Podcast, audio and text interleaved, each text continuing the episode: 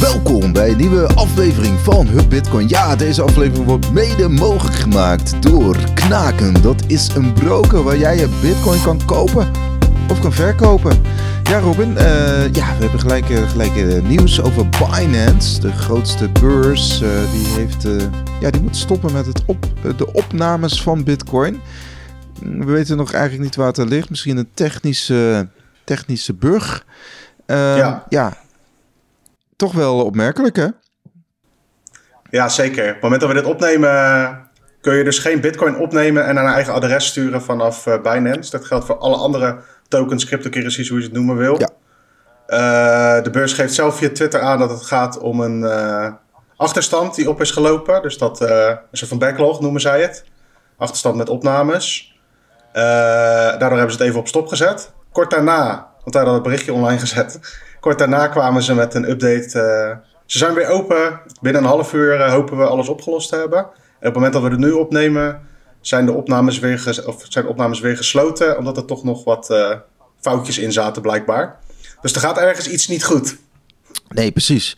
Ja, ze, hadden, ze hadden vandaag natuurlijk ook die aankondiging dat je weer in hondenmuntjes, in, in aparte hondenmuntjes handelspaar kunt handelen. Dus misschien dat dat er mee te maken heeft. Maar goed, Ja, dat is speculaas. klopt. Het lijkt tot nu toe voor mij vanuit uh, van buitenaf. En dit is dus, uh, dan beginnen we te speculeren, zeg maar. Uh, gewoon een technische fout in de zin van. Blijkbaar is er een achterstand met opnames. En misschien zijn er wel zoveel opnames dat het systeem dat niet trekt. En als je de andere kant, als je wat sceptischer ernaar kijkt, zou je kunnen zeggen van. Oeh, is er iets mis met de reserves die ze hebben die ze uit kunnen keren? Ja, dus zijn ze niet liquide genoeg. Nou, nou als, als we kijken naar uh, de. Uh, um, ja, je hebt een website. Uh, ik ben even de naam kwijt. Maar goed, daar kun je dus de balans zien van, van Binance. Op dit moment zijn er 345.000 bitcoin onder hun beheer. Wil niet zeggen dat ze dat zelf bezitten. Maar dat uh, doen ze dus namens hun klanten. Dus dat is op zich een. Ja, dat zijn schattingen, hè? Zijn schattingen, inderdaad.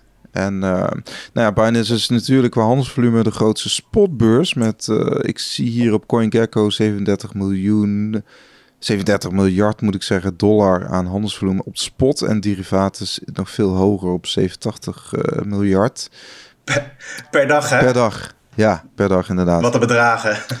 Ja, en officieel zijn ze natuurlijk gestopt hè, met die leverage uh, maal 20. Maar volgens mij voor bestaande klanten, die kunnen nog maal 100 gaan op allerlei uh, perpetual swaps, futures, et cetera.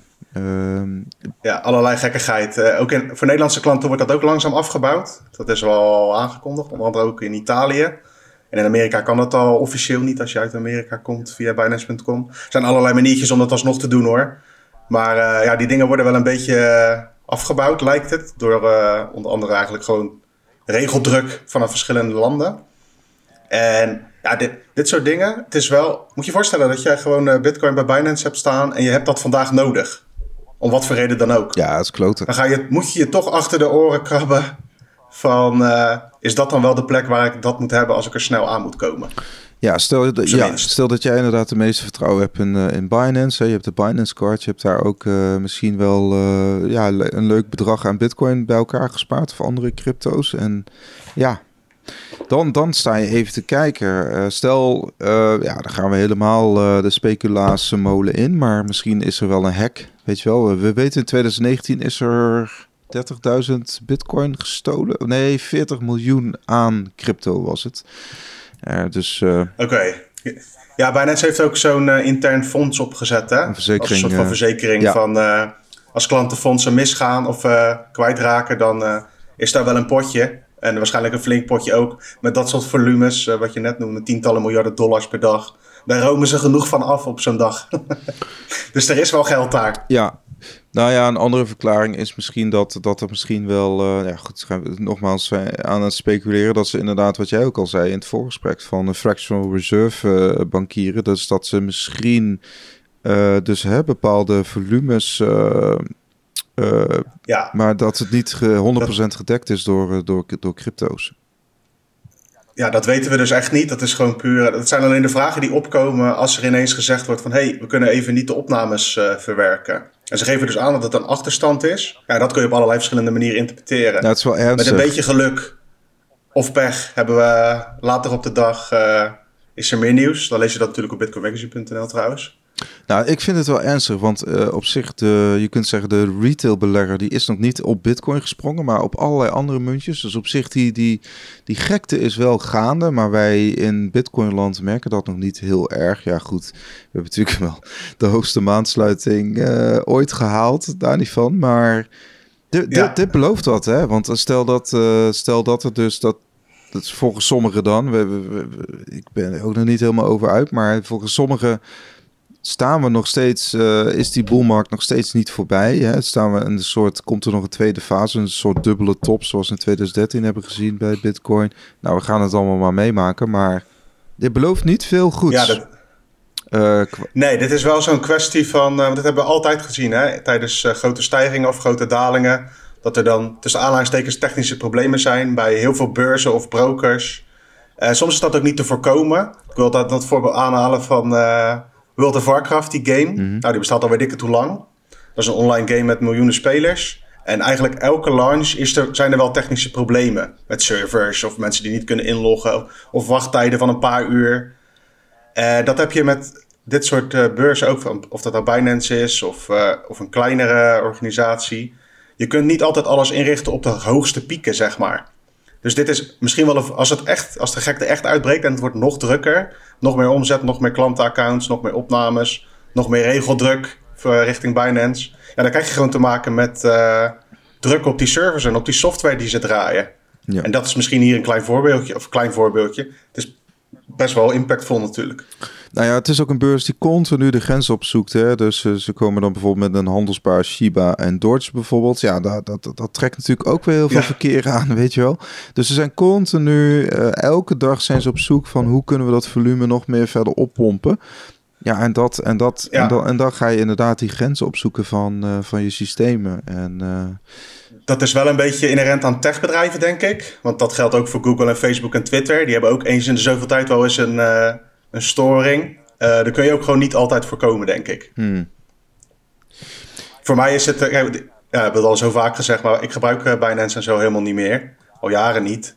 Dus ik, ik heb gewoon een, mijn Bitcoin offline opgeslagen. Dus ik heb nergens last van als dit niet kan.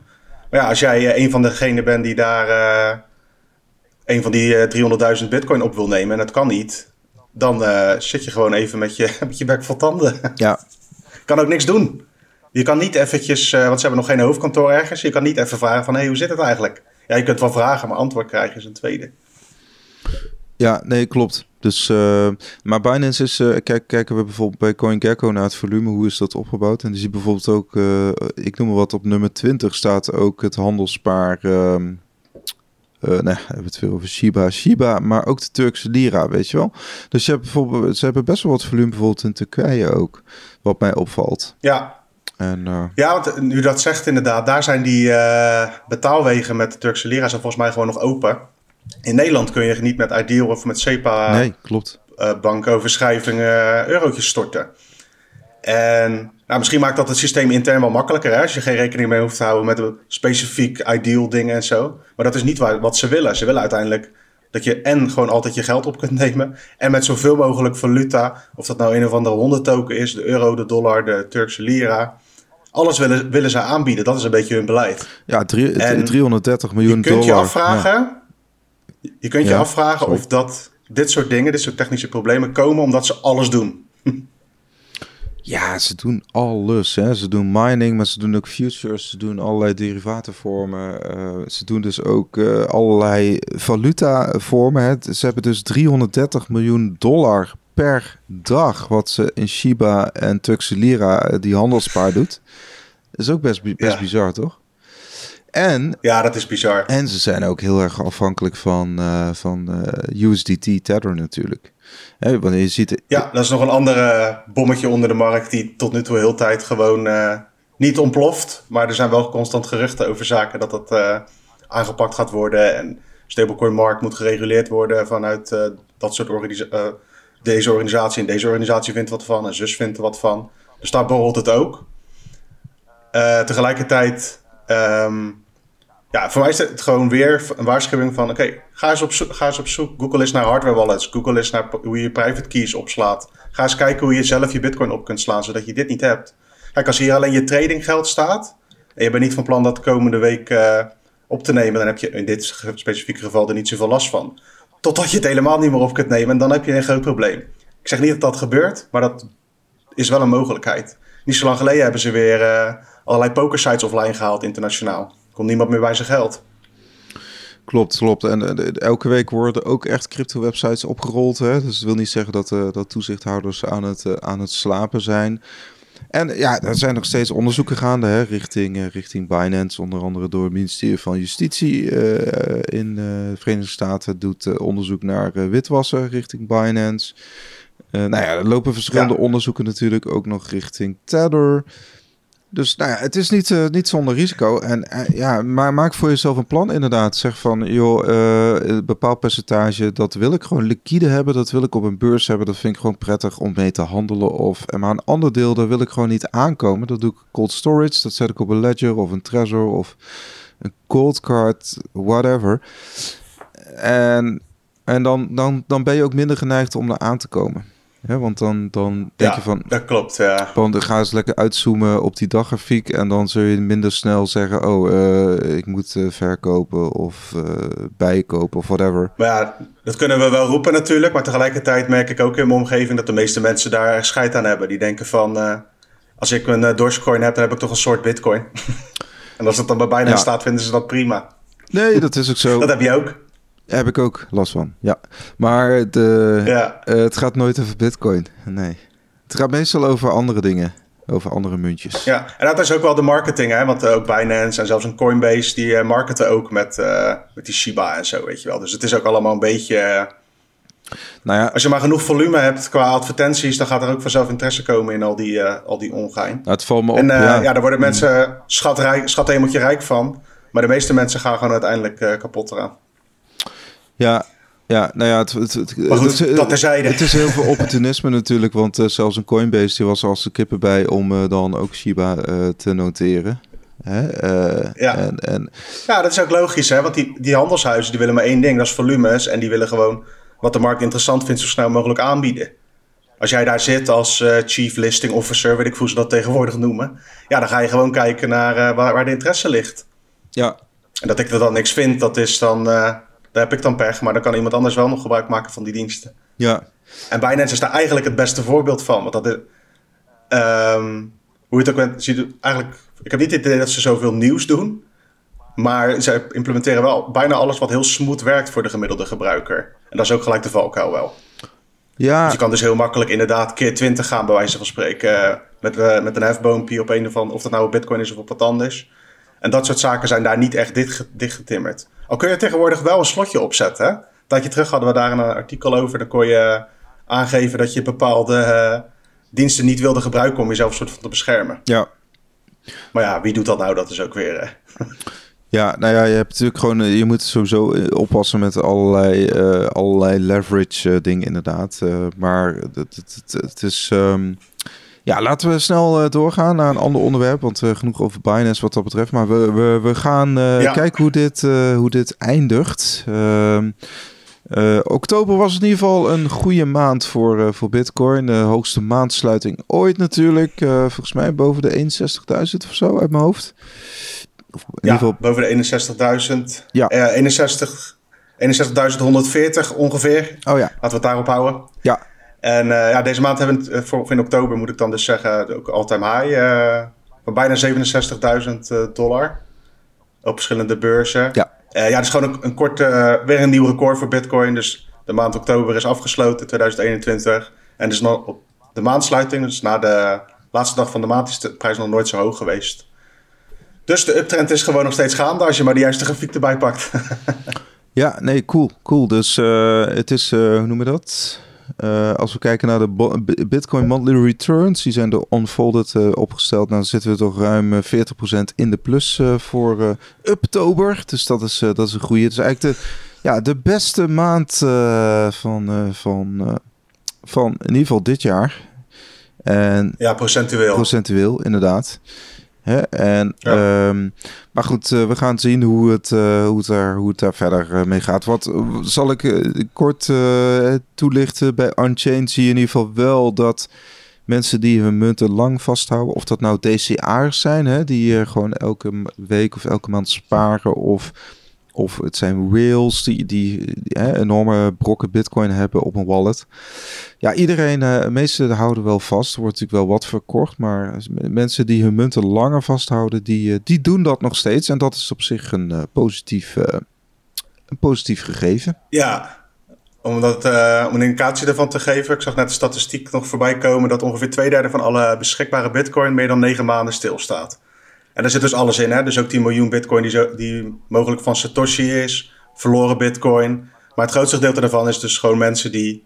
Hoe, wat de prijs ook doet op dit moment... niet per se naar de exchanges of beurzen of uh, brokers rennen om het te verkopen. Maar gewoon... staat gewoon stil. Ja, daar boren wij denk ik ook toe. Tenminste, ik ook. Denk jij ook? Ja, over het algemeen wel, ja. Ja, ja misschien moet je wel eens een nieuw spelletje kopen voor je, voor je, voor je Switch. ja, dat moet ook gebeuren. Hè? Ja. Zo nu en dan. Ja, maar goed, dat, dat, dat, we, we, gaan het meemaken. Kijk, uh, we, we, zeg maar, Unchained ziet het er allemaal heel positief uit. Uh, dus, maar goed, het is allemaal heel erg afhankelijk van natuurlijk de vraag uiteindelijk. Ja, het is een cliché, maar... we dat is het. Het is afhankelijk van... ja, ondertussen wel miljoenen spelers natuurlijk in die markt. Van of jij en ik dat nou zijn, of president van El Salvador, of een illegale bitcoin miner die nog over is gebleven in China. Iedereen heeft zijn eigen belangetjes en iedereen speelt zijn kaart op hun manier, zeg maar. Ja. Ja, nou ja, goed. Ik, ik zie het persoonlijk nog altijd als een soort spaargeld voor, de, voor een soort verzekering voor de toekomst. En, en, en dus dat, dat is, ja, als je eenmaal die filosofie aanhangt, dan kun je ook iets makkelijker vasthouden wat die prijs ook doet. En, ja, uh, dat klopt, ja. En, en er zullen altijd wel misschien uh, live events zijn... waardoor je misschien een stukje van je bitcoin moet liquideren. Maar uh, ja, liever niet. Nee, liever niet, inderdaad. Dus, Ook liever niet, leuk bruggetje, ja. naar de Financial Action Task Force. Oh ja, de FATF. De, is internationaal orgaan. En die houdt zich eigenlijk bezig met internationale wetgeving, wel als adviserend orgaan. Ja. 39 landen doen daaraan mee, waaronder Nederland. En die hebben nieuwe richtlijnen eh, gepubliceerd voor de cryptocurrency-industrie. Uh, wat ze eigenlijk doen is een soort van uh, advies de wereld inslingeren van, naar alle leden. Van, nou, zo zouden wij graag zien dat je de bitcoin-markt en andere cryptocurrency-markt reguleert. Hoe je daar je regeltjes opstelt.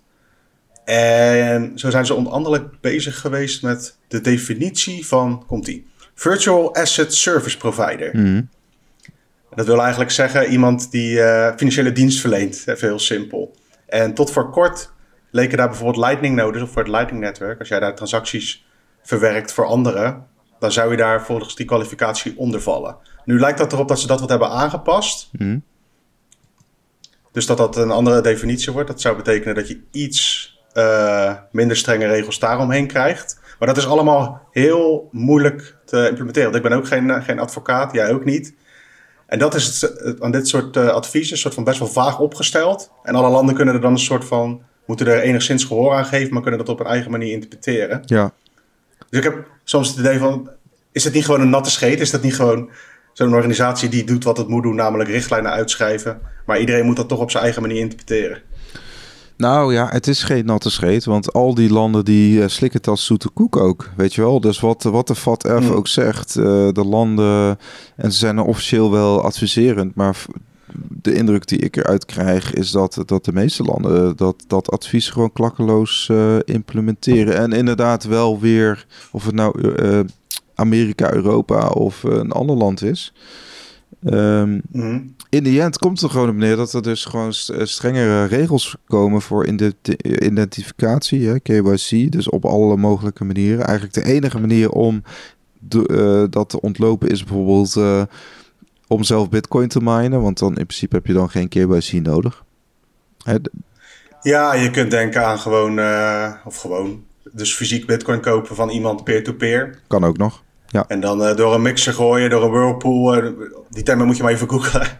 um, om het meer anoniem te maken. Dat... Maar dat is wel echt voor de gevorderde gebruiker. De gemiddelde iemand doet dat niet. Heb je dat wel eens gedaan? Uh, ik heb wel eens ge gemixt en zo. Dat doe ik wel eens, ja. ja. Maar dat is meer om gewoon uit te proberen. Ik ben ook echt nog niet de guy die zijn Bitcoin uh, privacy helemaal goed op orde heeft. Helaas. Nee, ik ook niet. Ik heb wel die Wasabi wallet. Die gebruik ik eigenlijk meer in combinatie met een hardware wallet. Maar echt het, het, het, het, mixen ervan, dat, nee, dat heb ik, niet, heb ik niet gedaan. Ja, het is wel grappig. Want eigenlijk in de praktijk wat er gebeurt, even heel kort, is dat je gewoon... je gaat dan gezamenlijk je bitcoin mixen. Je gooit het allemaal in een grote ton. En dan hoort at random komen die uh, transacties uiteindelijk allemaal terecht bij de plekken waar iedereen ze naartoe wil hebben. Maar dat is dan moeilijker te volgen voor als je dat van buitenaf bekijkt. Daar komt het eigenlijk op neer. En daar zitten ook gelijk weer nadelen aan. Want je hebt ook wel verhalen van uh, beurzen en waarschijnlijk ook brokers en andere partijen die zeggen van... Uh, oh, die bitcoin is daar en daar doorheen gegaan, die willen wij niet. Want we kunnen niet uh, de achtergrond achterhalen met allerlei analysebedrijven en zo. Dus het is wel wat je hoort te doen, zeg maar, als je bezig bent met privacy op, je, op het netwerk. Maar in de praktijk zorgt het voor heel veel extra handelingen. En door dit soort regels gaat het allemaal, of door meer privacy aanvallende regels, wordt het allemaal steeds moeilijker om ook te implementeren, zeg maar. En dat is het spelletje, denk ik. Ze willen het gewoon moeilijk maken om anoniem aan, die, uh, aan Bitcoin te komen.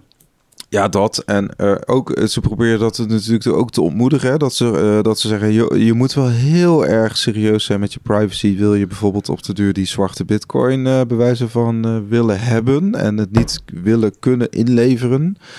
tegen bijvoorbeeld fiat geld. Ik noem maar even een, een extreem voorbeeld. Dat, dat je bent altijd heel erg bezig met privacy. Maar ik noem wat, je moet gedwongen gaan scheiden. En uh, ja, je hebt, je hebt uh, een beetje bitcoin nodig om, uh, om, om ik noem wat, die scheiding te betalen. Hè? Of iemand uit te kopen, je ex-vrouw uit te kopen. ja. En je kunt je zwarte bitcoin ergens kwijt. Nou, of je kunt het wel kwijt, maar dan moet je het vervolgens gaan verantwoorden waar die 10.000 euro aan advocatenkosten vandaan komt. En dan zegt de Belastingdienst van oké, laat maar eens zien. Ja. In Nederland is dat systeem al best wel zo dat je, als je de echte economie aanraakt, dat je grote kans hebt dat ze zeggen van uh, je moet je wel even verantwoorden. Daar zijn ook wel verhalen van. Precies, dat, precies. Uh, heb je wel, dat, is, dat komt regelmatig voorbij. En dat is het, hè, want je moet in Nederland zelf bewijzen dat het allemaal legit is. De bewijslast ligt bij jou op het moment dat ze er naar vragen. Ja, zeg maar, elke, elke transactie boven de 10.000 euro, die wordt gewoon gemeld. Automatisch. Die komt bij de uh, Financial Task Force, hoe heet ze nou ook alweer? Nou ja, goed. Ook een Nederlandse... Uh, Nederland die werkt ook samen met Fiat en Belastingdienst, et cetera. En met ook ja. al, al die gereguleerde brokers en beurzen in Nederland. Hè, dus die, die werken ook al, die houden ook allemaal bakjes bij van verdachte transacties. Als jij, uh, ja. stel je hebt uh, meer dan 10.000 euro in bitcoin. Je gaat dat in één hap opnemen. Dus je zegt, nou, ik ga 10.000 euro in bitcoin, ga ik, uh, ga ik liquideren, ga ik verkopen en ik, ik, ik, ik, hè, ik ga naar die bankrekening, ik zet het aan, dan, dan word je al geregistreerd. Ja, precies. En dat wil niet, en ook lagere bedragen als het uit de toon valt, zeg maar. Als jij structuur als jij eerst een x-bedrag altijd per maand krijgt en dat is ineens drie keer zo hoog, omdat heel dat een klein beetje uh, wordt geliquideerd, uh, Bitcoin wordt geliquideerd via een beurs of zo, dan val je op. Dus het, dat is er al, dat hele systeem van in de gaten houden en uh, dat soort ongein. En met dit soort richtlijnen wordt het denk ik ook een soort van makkelijker om te implementeren, want dan kunnen ze zich daaraan vasthouden, zeg maar. Maar nog even terug naar die ja. Virtual Asset Service Provider, even kort. Mm -hmm. Wat dat eigenlijk betekent, is dat in, bij de nieuwe richtlijnen softwareontwikkelaars en miners niet meer hieronder vallen. Oké. Dat, die, dat concept was eerst heel, uh, nog vager dan dat het nu is. En nu zeggen ze dus eigenlijk, als jij gewoon software ontwikkelt, dus bijvoorbeeld een wallet, en je hebt zelf niet die private keys in handen en dat soort zaken, dan val jij gelukkig niet onder die, uh, onder die richtlijnen, zeg maar, van iemand die financiële diensten levert. Oké, dus dat... Uh... Dat was eerst dus uh, als je het op een bepaalde manier interpreteerde, dan kon je dat dus wel zo interpreteren. En dat hebben ze dus aangepast. Ja, want daar waren ze in Amerika ook bezig hè, met die infrastructure bill. Uh, zouden softwareontwikkelaars, ja. uh, developers en miners ook daaronder vallen, onder dezelfde en, regelgeving. En dat is het dus, dat lijkt er nu wel vanaf.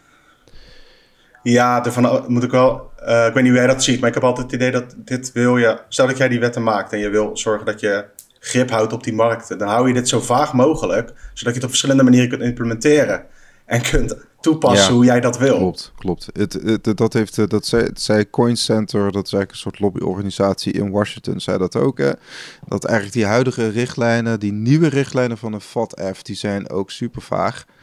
En ja, ja. dus dat, dat, uh, dat, dat, dat, dat, kun je als industrie nog te weinig mee, uh, eigenlijk. Dat is uh, hun. Ja, nou, en je krijgt een gekke dynamiek, omdat de Bitcoin-markt zo wereld, op, de, uh, op, de wereld, op wereldschaal zich afspeelt. Stel dat, je, dat jij in Nederland zit en je moet hier allemaal aan voldoen en het wordt steeds duurder om dat te handhaven. Je moet het namelijk ook controleren, implementeren. Uh, je moet allerlei mensen aannemen die daar uh, verantwoordelijk voor zijn en zo. En een paar duizend kilometer verderop zijn er instellingen, bedrijven en landen die niet zo streng hoeven te handhaven. Die hebben dan een marktvoordeel in bepaalde aspecten. Ja. Dus het wordt een heel raar getouwtrek. Dus ook lobbygroepen, uh, dat zagen we ook voorbij komen. Dat uh, de Amerikaanse beurs Coinbase, dat was maar 8 ton hoor, maar 8 ton aan dollars had geïnvesteerd in uh, het lobbyen in het derde kwartaal van dit jaar in de Amerikaanse politiek. En dat spel ga je nu krijgen van verschillende belangen. Want uiteindelijk kost, kost het gewoon cryptocurrency of bitcoin bedrijven en dus uiteindelijk de klanten geld als er meer van dit soort controles nodig zijn. Nou ja, crypto en, en, en, en daarmee ook dus bit, of bitcoin, maar daarmee eigenlijk ook crypto, dat, dat wordt steeds meer gezien. Hè? Ik bedoel, we hebben nu bijvoorbeeld met FTX gewoon de eerste, eerste, het eerste bedrijf dat de Super Bowl reclame, tijdens de Super Bowl reclame gaat maken. Ja, dat zijn in Amerika ik, echt uh... huge dingen. En we zien natuurlijk in, in, in ja. we zijn, we zijn, ik zag ook uh, in Amsterdam een tram uh, rijden met reclame van een altcoin, weet je wel. Of uh, dat je, ja, je bij, ziet het overal, bij voetbalwedstrijden dat je ineens, uh, dat je ineens allemaal uh, muntjes voorbij ziet komen. En knaken.nl, hè? Die komt ook voorbij in de Eredivisie. Klopt, ja. Ja, ja, ja. Daar kun jij je bitcoin kopen of verkopen. Um, yes. In Zuid-Afrika, daar hebben ze helemaal geen zin in pensioenfondsen met bitcoin op de balans. eigenlijk willen ze dat het überhaupt, dat er een pensioenfonds niks, ja, geen crypto's uh, koopt, bitcoin of andere digitale assets die... Uh, ze zeggen ook letterlijk van als er geen centrale bank bij betrokken is, dan, uh, dan, dan mag het niet. dus ja, ja. ja dat is uh, best ernstig. Ja, in Nederland is het niet, niet anders hoor, want je mag volgens mij, voor zover ik weet, nou dat zijn niet echt regels voor, maar het is niet dat pensioenfondsen dat nu gaan doen. Ze mogen ook al geen goud kopen. En Nee, ik kan me voorstellen dat je hier ook tegen een uh, muur van regels aankomt waarom dat op bepaalde manieren uh, niet kan. Ja. Nou heb je natuurlijk wel die ontwikkeling dat er nu steeds meer uh, bitcoin-fondsen zijn. En in verschillende landen kunnen pensioenfondsen wel wat makkelijker weer investeren in bijvoorbeeld zo'n ETF en zo, volgens mij. Dus allicht dat er daar een soort van geldstroompje kan ontstaan. En ik vraag me altijd af, wie bepaalt, iemand bepaalt dat dan? Of dat wordt bepaald door de politiek daar? Van oké, jullie pensioenfondsen mogen niet in de best presterende asset van de afgelopen uh, meer dan 10 jaar investeren. Jullie mogen daar niet, ook al is maar een hele kleine allocatie van uh, 0,005% nee, dat is verboden. Je moet maar gewoon een, uh, weer een staatsobligatie nemen met negatieve rente of zo. Ja, nee. Is toch bizar? Nou ja, kijk, zij zijn bang voor, uh, voor allerlei soorten risico's. Hè? Dus zij zijn bang dat. Uh, ja. Kijk, het, uh, in principe per wet mocht je in Zuid-Afrika mocht je 2,5% van je vermogen mocht je als pensioenfonds mocht je in bijvoorbeeld in Bitcoin steken, maar dat ja, Oké, okay, dat gaan ze terugdraaien. Dat gaan ze terugdraaien. Het mocht wel, maar uh, dat gaan ze dus terugdraaien. En uh, dus dat, dat, ja, ik weet niet wat er, dat, dat stond dan niet echt goed eigenlijk in het originele bericht. Maar ik neem aan dat het met koersschommelingen te maken heeft, hè, of uh, te hoge leverage. De standaard dingen. Ja, ja criminaliteit. De standaard argumenten. Criminaliteit witwassen. En, ja. en, en ja, ja, goed. En wat je, wat je zegt, hè, dat, is, dat, is dat er bepaald hoe noemen we dat? Uh, er is gewoon een bepaald mandaat om, uh, om in aandelen obligaties uh, te beleggen. En misschien ook wel commodities, grondstoffen. Maar, maar dat is het dan. En het is eigenlijk ook niet verrassend, hè? want je moet ook wel. Bitcoin is zeker op de wereldtoneel nog relatief nieuw. En je kunt ook niet verwachten dat, tenminste, ik verwacht dat niet, laat ik voor mezelf spreken, dat er op veel van dit soort posities, die dit soort beslissingen gaan nemen, mensen zitten die, die hier serieus honderden, duizenden uren in hebben gestoken om Bitcoin te begrijpen.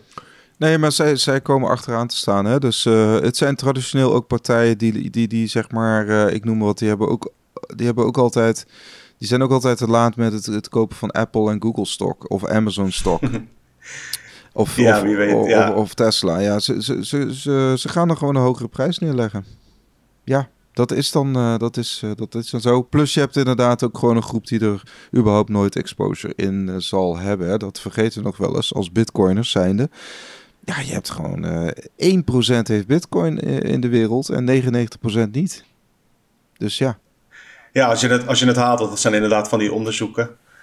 En, uh, Kijk, wij zitten in een bubbel, ja, maar... Ik, ja, precies. Want als je, dat bedoel ik inderdaad met wat ik net zei. Van, als je je bitcoin bril afzet dan is het wel logisch dat, er, dat niet iedereen uh, staat te springen om een soort van verandering van uh, het hele systeem en zo. Je bent ook, zeker als je op een, uh, zo bij, bij een centrale bank terechtkomt, heel je carrière is gebouwd op dat dat wereldje wel blijft verstaan zoals het is. Ja.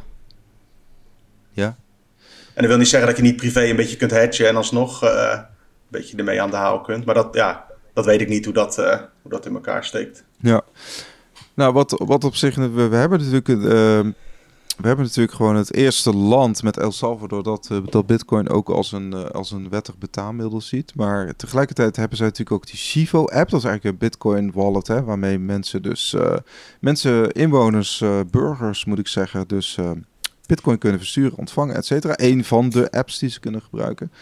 Wat je dus wel ziet is dat de overheid dus ook uh, kan optreden tegen, tegen de Chivo-app. Want ik begreep dat, dat, er bepaald, dat er nu bepaalde maatregelen zijn genomen om overmatige speculatie te voorkomen.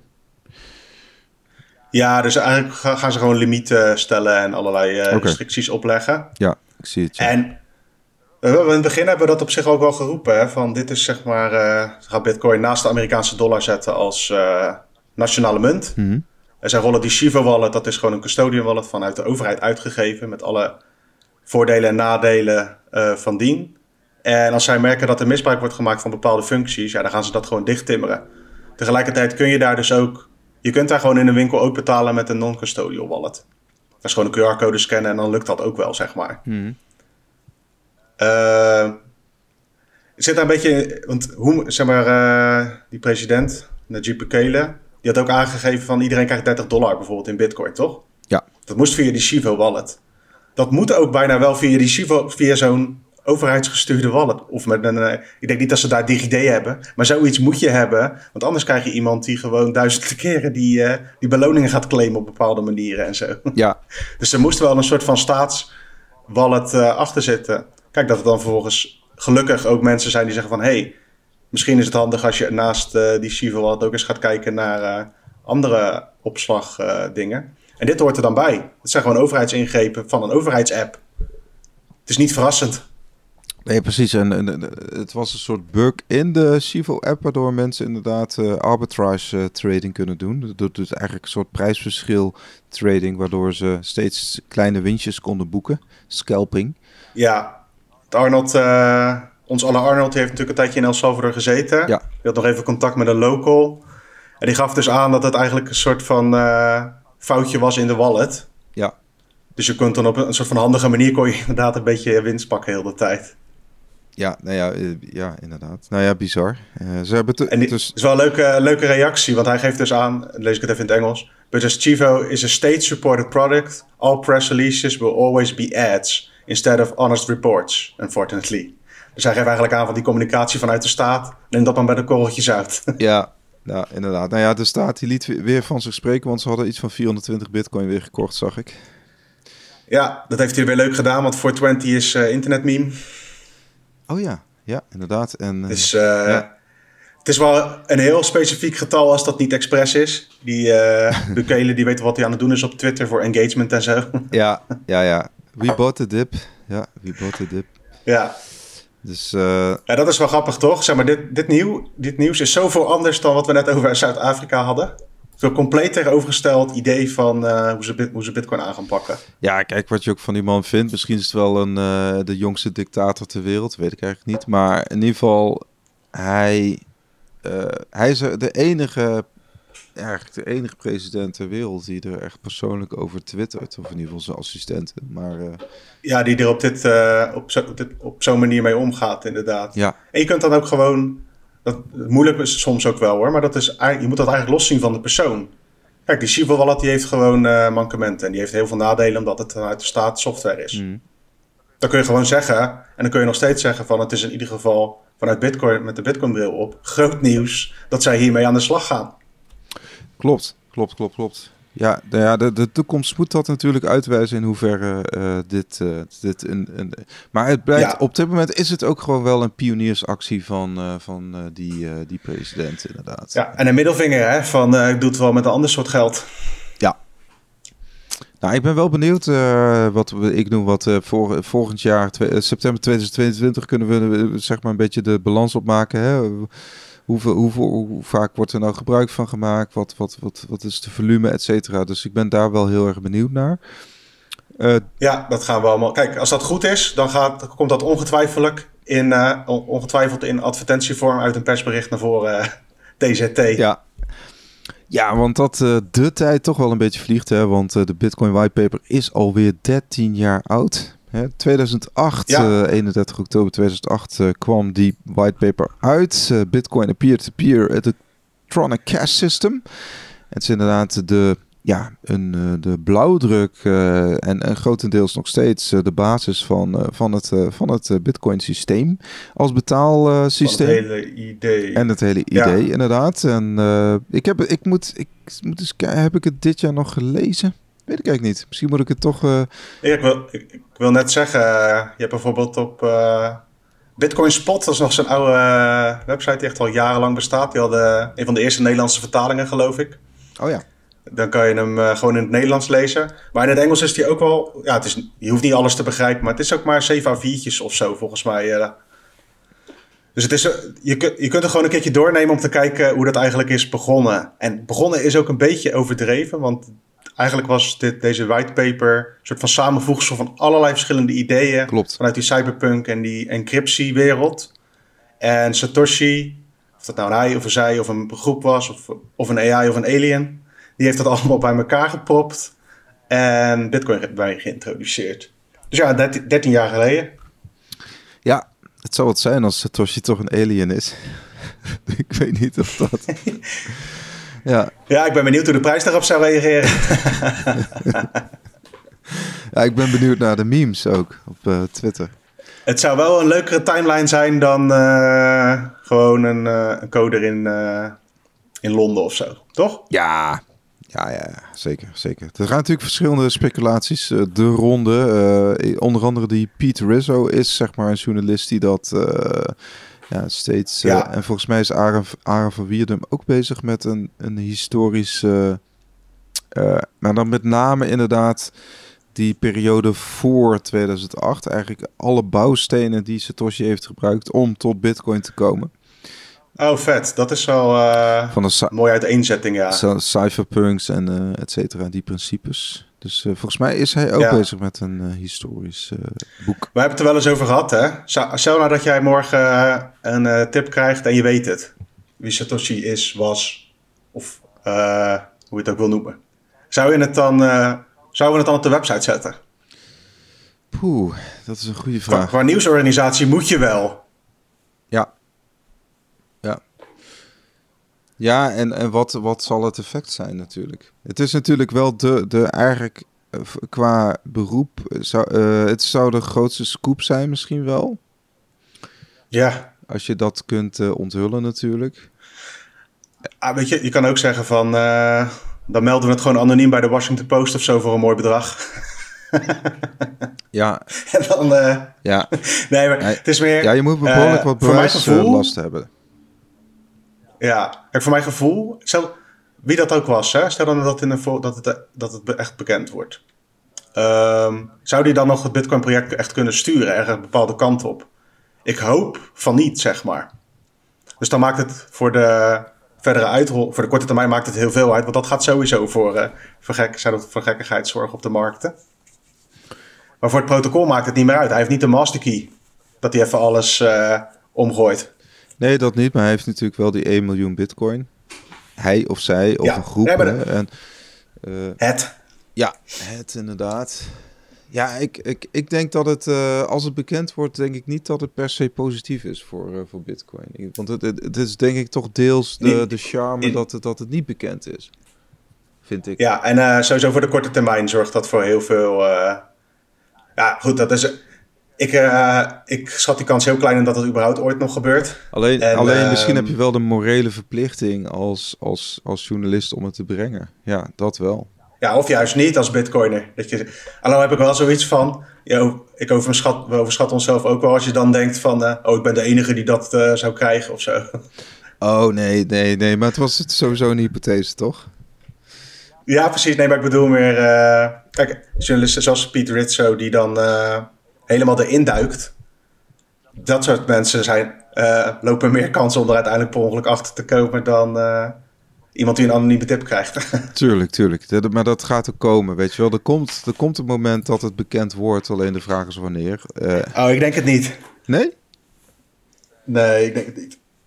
Nou ja, ik denk gewoon dat hij al, de, dat hij al gestorven is, maar goed. Um, dus die... Ja, dat, is, dat, is, dat zijn van die eeuwige vragen die uh, hopelijk... Wat ik, ik hoop dus dat het voor eeuwig gewoon de vraag blijft. En um, nog even een, een, kort dingetje terug ook, naar wat langer geleden.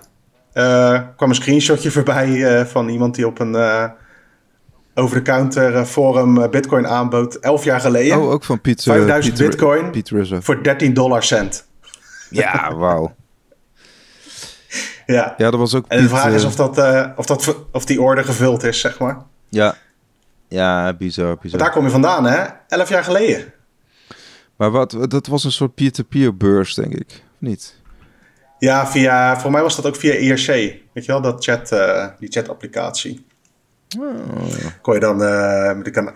Maar goed, in ieder geval, uh, sinds die tijd is de Bitcoin-prijs dus weet ik het hoeveel keer omhoog gegaan. En de ontwikkeling van dat je nu dus landen hebt en centrale banken die er wat over roepen en zo. Ontwikkeling is ongeveer binnen tien jaar, iets meer dan tien jaar, is dat zo snel gegaan. Echt bizar. Ja, en het ging ook via, het ging, het, het ging ook via PayPal. Dat is ook wel... Uh, dat is ook wel... Via PayPal? Oh, die betalingen? Ja. Ja, dus die, ja dat klopt. Ja. Dus die, die, uh, ja, die bitcoin werd toen ook allemaal via PayPal verkocht in dollars. Ja, want een paar jaar later uh, hoefde je dus PayPal niet te gebruiken... of hoef je niet dat soort uh, dingen te gebruiken... om bijvoorbeeld bij...